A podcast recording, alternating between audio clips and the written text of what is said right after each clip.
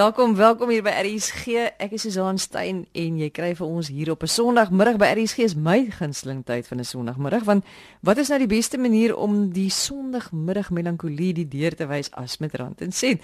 Jy kry ons in Suid-Afrika 100 tot 104 FM wêreldwyd op die internet www.rsg.co.za of heerlik op jou gemaklike rusbank op die DStv kanaal 813. Vanmiddag praat ons oor die politiek en beleggings as ook jong mense se verwagtinge van beleggings. My eerste gas is Marius Hugo, hy is die portefeuljebestuurder by PSG en ek het in die week wat verby is 'n draai by hulle kantore daar in Tygervallei gemaak.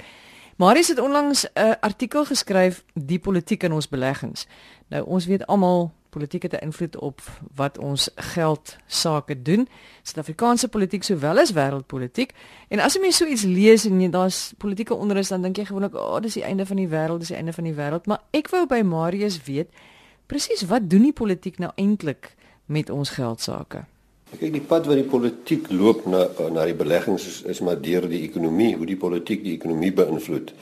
Die hoofsaaklik hoe dit gebeur is dat vertroue word geskaad deur onsekerheid deur onsekerheid, politieke onsekerheid en allerlei allerlei ander onsekerhede en dit veroorsaak dat die besigheidsvertroue onder druk kom en dat ook uh, verbruikersvertroue onder druk kom. Nou as besighede nie vertroue het nie, dan investeer hulle nie, hulle brei nie hulle besighede uit nie. Dit is negatief vir die ekonomie, dit benadeel die ekonomiese groei en dieselfde met verbruikersvertroue. As die verbruikers nie vertroue het nie, spandeer hulle nie en die, en die verbruiker in Suid-Afrika is baie belangrik. Meer as 60% van ons ekonomie word uitgemaak uh, deur verbruikers. So as hulle nie spandeer nie, is dit baie negatief vir uh, ons ekonomie. Uh, 'n uh, Swak ekonomie lei tot swak of laer groei in winste en as en as winste swak groei, presteer aandele swakker en ons opbrengste op ons aandele is swakker. Skeer jy al hierdie be alle beleggings onder een kam of is daar sommige beleggings wat uiteraard miskien 'n bietjie beter doen of onder ander wat regtig kwaai onder die invloed van die politiek deurloop? Beleggings wat sal beter doen sal die beleggings wees wat lae risiko het, met jou tipe tipiese geldmarkbeleggings sal uit die aard van die saak minder beïnvloed word deur uh, die politiek.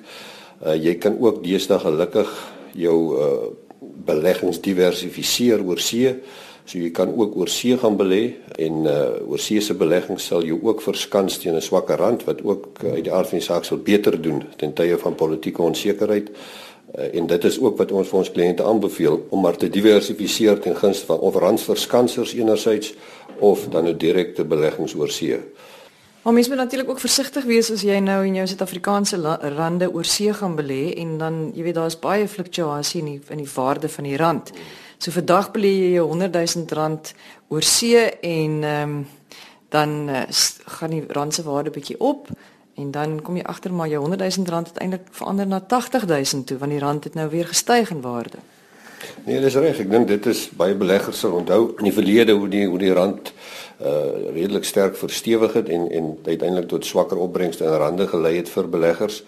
Maar Ek dink eh, die belegger moet onthou dat dit 'n verskansingsstrategie is. Met ander woorde, hy hy gaan oor see belê vir ingeval die rand heeltemal verswak en vir ingeval die politiek heeltemal skeefloop in Suid-Afrika. In so 'n geval uh, is dit die regte ding om dan oor see te wees want jy is verskans jy steen politieke en ander onsekerhede in Suid-Afrika. Die politieke situasie in die buiteland. Ehm um, jy weet hoe lyk die situasie daar? In 'n ander gesprek het jy ook gesê dat daar is ook jy weet daar's ook nie altyd beleggingsvertroue nie. Ja, ek weet dit is op die stadium een, een van die grootste probleme en dit wêreldwyd is vertroue in breë en dit veroorsaak dat uh, besighede en en en individue nie spandeer nie. Ek meen dit is dit is eintlik 'n wêreldwye verskynsel uh, wat eintlik sedert 2008 die hele wêreldekonomie uh, terughou en keer dat die ekonomie vorentoe beweeg. Uh ek dink die die politieke onsekerheid is dalk nie soveel 'n uh, faktor soos dalk in Suid-Afrika nie. Uh ek dink daar is meer vrese rondom finansiële eerder finansiële onsekerheid as wat 'n politieke onsekerheid is. So wat is jou boodskap dan aan verbruikers? Wat moet ons doen met ons beleggings in die stadium? Want jy weet mense wil nie mense afsit daarvan om te belê nie.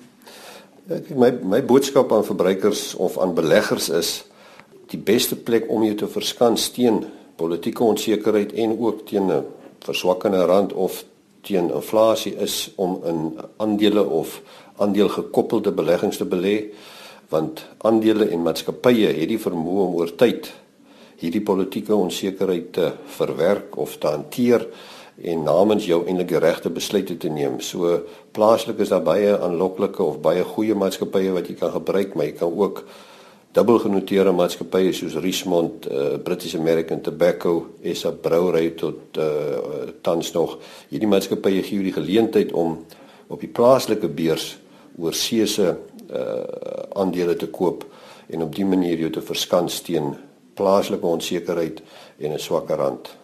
En watter soort beleggings moet hulle versigtig moet 'n mens versigtig voor wees of watter maatskappye moet jy versigtig voor wees? Ek sê sekere maatskappye hou nie van 'n swakker rand nie, hulle hou ook nie van hoë rentekoerse nie, want dit gaan gewoonlik gepaard. Maatskappye wat in hierdie kategorie val is banke. Ek sou ons afgradeer raak sodat die banke negatief beïnvloed. Uh klein handelaars sou ook nie afhou nie, want dit sou beteken dat rentekoerse moet opgaan en dit sou beteken dat uh dat die klein handelaars verder onder druk kom. So dit is hoofsaaklik die maatskappye wat wat wat ou moet maar wegbly van. Ek weet julle mense hou nie eintlik daarvan om voorspellings te waag nie, maar wat sien jy vir ons vir die volgende jaar of 2, 3? Ek dink die groot die onsekerheid is is uh Desember of ons gaan afgradeer word of nie. Uh ek dink op hierdie stadium lyk my is amper 'n 50-50 kans uh, as ons nie afgradeer word nie, vermoed ek of glo ek is ek van mening dat die rand eintlik uh, verder kan verstewig uh, saam met uh, kommoditeitspryse wat 'n bietjie beter raak, inflasie wat 'n bietjie afkom. So sou ons nie afgradeer word nie, is ek is, is ek versigtig optimisties dat dit volgende jaar dalk 'n 'n beter of 'n heelwat beter jaar kan hê as hierdie jaar. Sou ons wel afgradeer word, uh, is ons eintlik is dit baie moeilik om te voorspel presies wat gaan gebeur, maar dit dit behoort 'n redelike negatiewe impak te hê in die volgende jaar of twee. As jy sê negatiewe impak, wat bedoel jy alles? Hoe gaan dit my en jou en almal se sak raak? Nee, dit sal uh, afgradering sal die sal die rand negatief beïnvloed. Nou 'n swakker rand beteken inflasie gaan weer hoër raak, uh, beteken jou alle ingevoerde goedere word duurder. Uh, die petrolprys sal aansienlik opgaan. Uh, en as gevolg van die hoë inflasie sal dit beteken dat rentekoerse opgaan, so die van ons wat wat geld uh, nog wat wat geld leen sal meer betaal op lenings. Uh, en dit sal uh, heel moontlik die ekonomie weer of terugsit in 'n in 'n tipe van 'n of of in 'n resessie uh, wat beteken minder geld in die sak vir vir almal van ons. En hoe moet ons so iets, hoe moet ons ons verskans nou al teen so iets? Wel, die enigste manier jy kan verskans teen so iets is maar soos ek genoem het om in oorsese aandele of in randverskansingsandele te belê.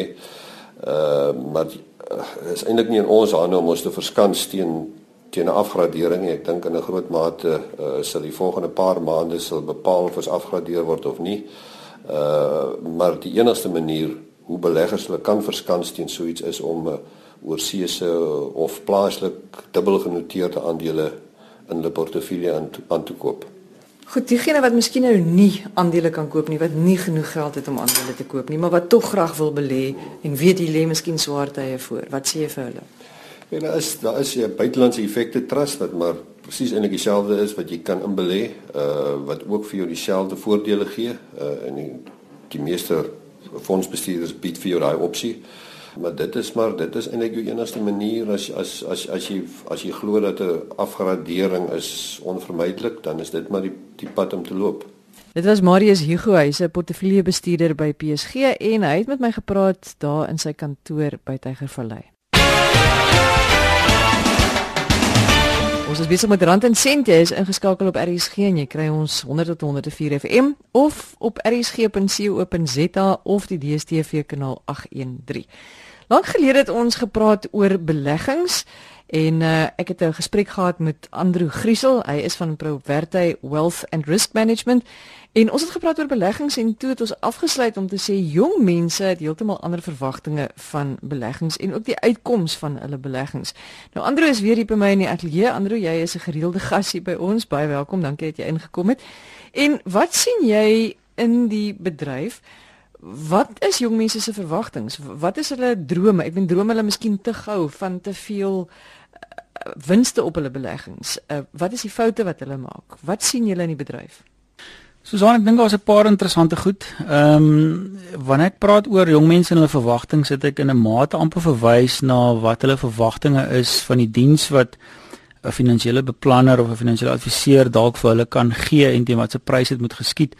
Ja, en, en of dit waarde gaan toevoeg om nou wesentlik daaroor te praat, is ek seker. So ek dink wat ek wat ek dalk aan kan raak is om te sê wat is jong mense deesdae geneig om te doen en en wat moet hulle dalk doen uit 'n fondasie vir hulle toekomsoogpunt uit? Maar dink jy jong mense het onrealistiese verwagtinge want ek dink dis wat ons laas genoem het. Ek dink nie so seer noodwendig ten opsigte van die opbrengs wat hulle gaan genereer nie, maar in terme van die diens wat hulle kan verwag wanneer hulle met 'n professionele adviseur werk. Uh, wat ou in gedagte onthou, ons het al baie gepraat oor die hele ding van kommissie versus kostes ensovoorts, maar wanneer jy met 'n professionele adviseur werk, hulle word gewoonlik op fooie ehm um, vergoed.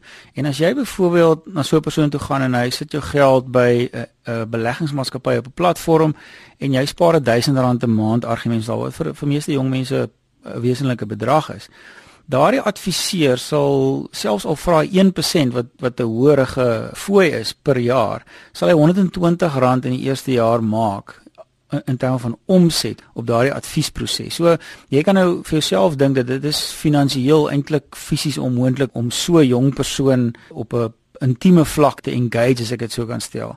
En ek dink net daai verwagtinge moet hulle verstaan. Uiteraard as jy met iemand werk wat 'n polis verkoop of 'n uh, kommissie gedrewe produk, is die vergoeding baie meer skewed in die rigting van die persoon wat die produk verkoop en is dit dalk vir hulle moontlik maar jy begin dan dalk op die verkeerde pad as ek dit so kan stel. Wat sou jy graag wil sien dan nou die regte pad sou wees? We, weet jy ek dink ek dink daar's meriete in vir jong mense om 'n konsultasiefooi te betaal. Dit dryf in teen die beginsels wil ek amper sê van meeste mense want hulle dink nie daar's waarde toe te voeg nie maar as ek gaan kyk hoe jong mense se beplanning lyk of behoort te lyk is is eintlik relatief eenvoudig. Daar's 'n paar basiese beginsels wat in plek moet wees. En as jy by 'n bekwame finansiële adviseur gaan sit en jy kan jou jy kan jou pa of jou ma of ouma of oupa kry om jou te sponsor vir daai uur of twee wat jy daar sit, die waarde wat so 'n gesprek vir jou gaan toevoeg in terme van jou besluitnemingsproses vorentoe gaan van onskatbare waarde wees en en jy sal waarskynlik jou eie finansies kan hanteer of bestuur vir 'n baie lang tyd. Ek ek sou sê vir ten minste die eerste 10 jaar van jou lewe tot jy begin trou en kinders hê en wanneer dinge 'n bietjie meer gekompliseerd begin raak.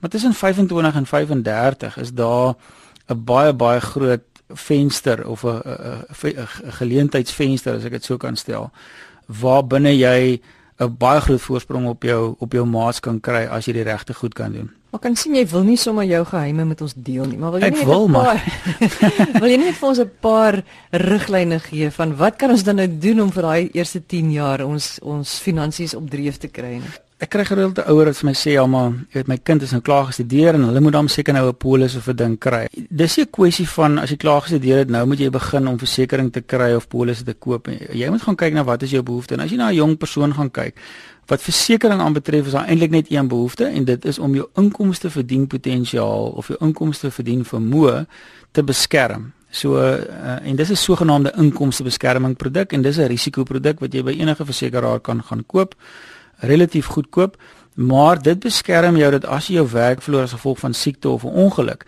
dat jy ten minste 'n inkomste kan kry wat jaarliks eskaleer vir die res van jou lewe. Ek dink dis 'n belangrike ding.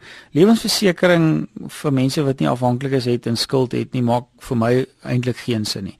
Uh, dis iets wat jy later in jou lewe kan bekom. Maar dan die die kritiese belangrike ding is om vroeg genoeg te begin spaar sodat jy gewoond raak daaraan dat 'n gedeelte van jou salaris eenvoudig nie jou toekom nie. En ek gaan vir jou 'n vinnige voorbeeld noem. As jy op 25, nou as jy net klaar gestudeer en jy besluit nou watse kar wil ek nou koop, jy het 'n keuse om te maak. Jy kan 'n kar koop wat argument sal vir jou R4000 'n maand gaan kos of jy kan 'n bietjie goedkoper kar koop wat vir jou R3000 'n maand kos, maar jy spaar die ander R1000. Vir 'n 25-jarige wat vir 10 jaar lank R1000 'n maand spaar, dan ophou en niks verder spaar nie. Die belegging hou net aan met groei en ek het sommer op 'n groeikoers van van 12% gewerk vir sy maat wat eers op 35 begin spaar. Met ander woorde wat in sy 20's die lekker lewe lewe, hy ry plat karre en hy lyk impressive vir sy vir sy vriende, maar hy spaar nie daai 1000 rand nie. Vir sy maat wat op 35 begin spaar, tot en met 65 moet hy R2000 'n maand. Met ander woorde, dubbel wat sy vriend gespaar het, moet hy vir 30 jaar spaar, terwyl die ander een vir 10 jaar gespaar het om by dieselfde plek uit te kom. Eh, dis 'n konsep van saamgestelde rente, want die eerste persoon het op ouderdom 35 toe sy maat eers begin spaar, het hy al 230 of 235000 rand in sy beleggingsrekening gehad en die groei daarop het gemaak dat sy sy maat selfs met al daai premies wat hy vir 30 jaar moes spaar om amper nie kon inhaal nie. So die besluite wat 'n ou neem terwyl jy jonk is, is krities krities belangrik. Hierdie is 'n belangrike punt wat 'n mens nie aan dink nie as jy vroeg begin spaar.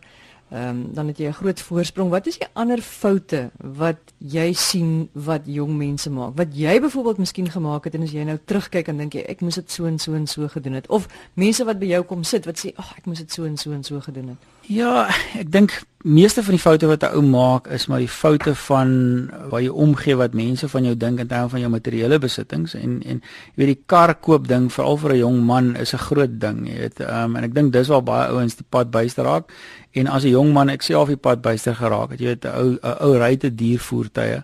Dis nie wat bepaal wie jy as 'n persoon is nie. Ek dink 'n ander slaggat wat mense intrap eh, is die algemene wysheid van jy moet so gou as moontlik jou eerste eiendom bekom en jouself tot by jou nek in die skuld sit om dit te bekom. Ek dink dit plaas baie mense onder druk en dit skep baie keer die verkeerde gedrag eintlik van die van die staanspoor af. Jy weet ek wil teruggaan na jou na jou eerste uh, salarisstrokie as ek dit so kan stel. As jou werk jou nie verplig om by te dra tot die pensioenfonds, jy moet jy jouself verplig. Eers daarna kan jy besluit waar wil ek bly en waarmee gaan ek ry en ook in daai volgorde. Wat baie mense doen is hulle baie vroeg in hulle lewe ehm um, koop hulle 'n plek en hulle het 'n baie groot verband en daai raak 'n progressiewe proses want ons as mense is maar progressiewe diere. Jy wil altyd beter doen. So as jy uit jou twee slaapkamer flat uittrek, dan wil jy in 'n drie slaapkamer townhouse intrek en as jy daar uittrek, dan wil jy na sekuriteitsarea toe trek. So ouens geneig om heeltyd op te gradeer.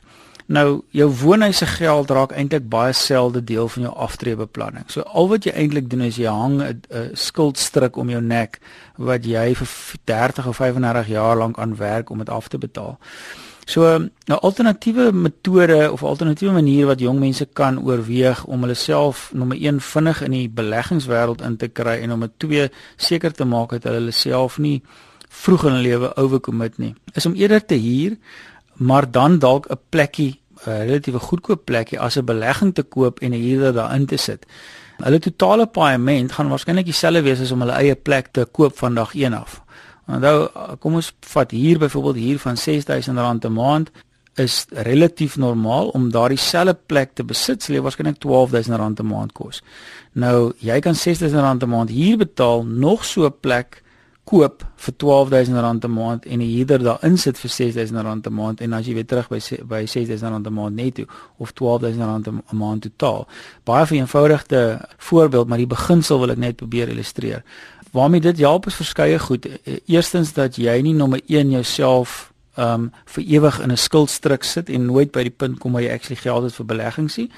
Uh, maar tweedens dat jy ook baie vroeg in jou lewe leer hoe beleggings werk as dit dan in eiendom is. En ek vind dat baie jong mense ehm um, glo baie sterk in eiendom en hulle dink jy dit is ehm um, dit is die pad na rykdom en dit kan wees. Ou moet net dit dit reg benader. Andrew, dankie. Altyd lekker om met jou te gesels. Dis Andrew Griesel, hy is van Proverte Wealth and Risk Management. En dis ook die einde van ons program vanmiddag. Dankie vir die saamluister. Jy kan weer na die gesprekke gaan luister by www.rsg.co.za. Klik op pot gooi, gaan na Rand en Sent toe. Luister weer of laai dit vir jou af in MP3 formaat. Jy kan ook vir my 'n e-pos stuur met vrae en voorstelle, altyd welkom. rsgrandencent@gmail.com. rsgrandencent@gmail.com. Ek is Susan Stein. Baie dankie vir die saamluister. Jy 'n wonderlike week en ons praat volgende Sondag verder. Totsiens.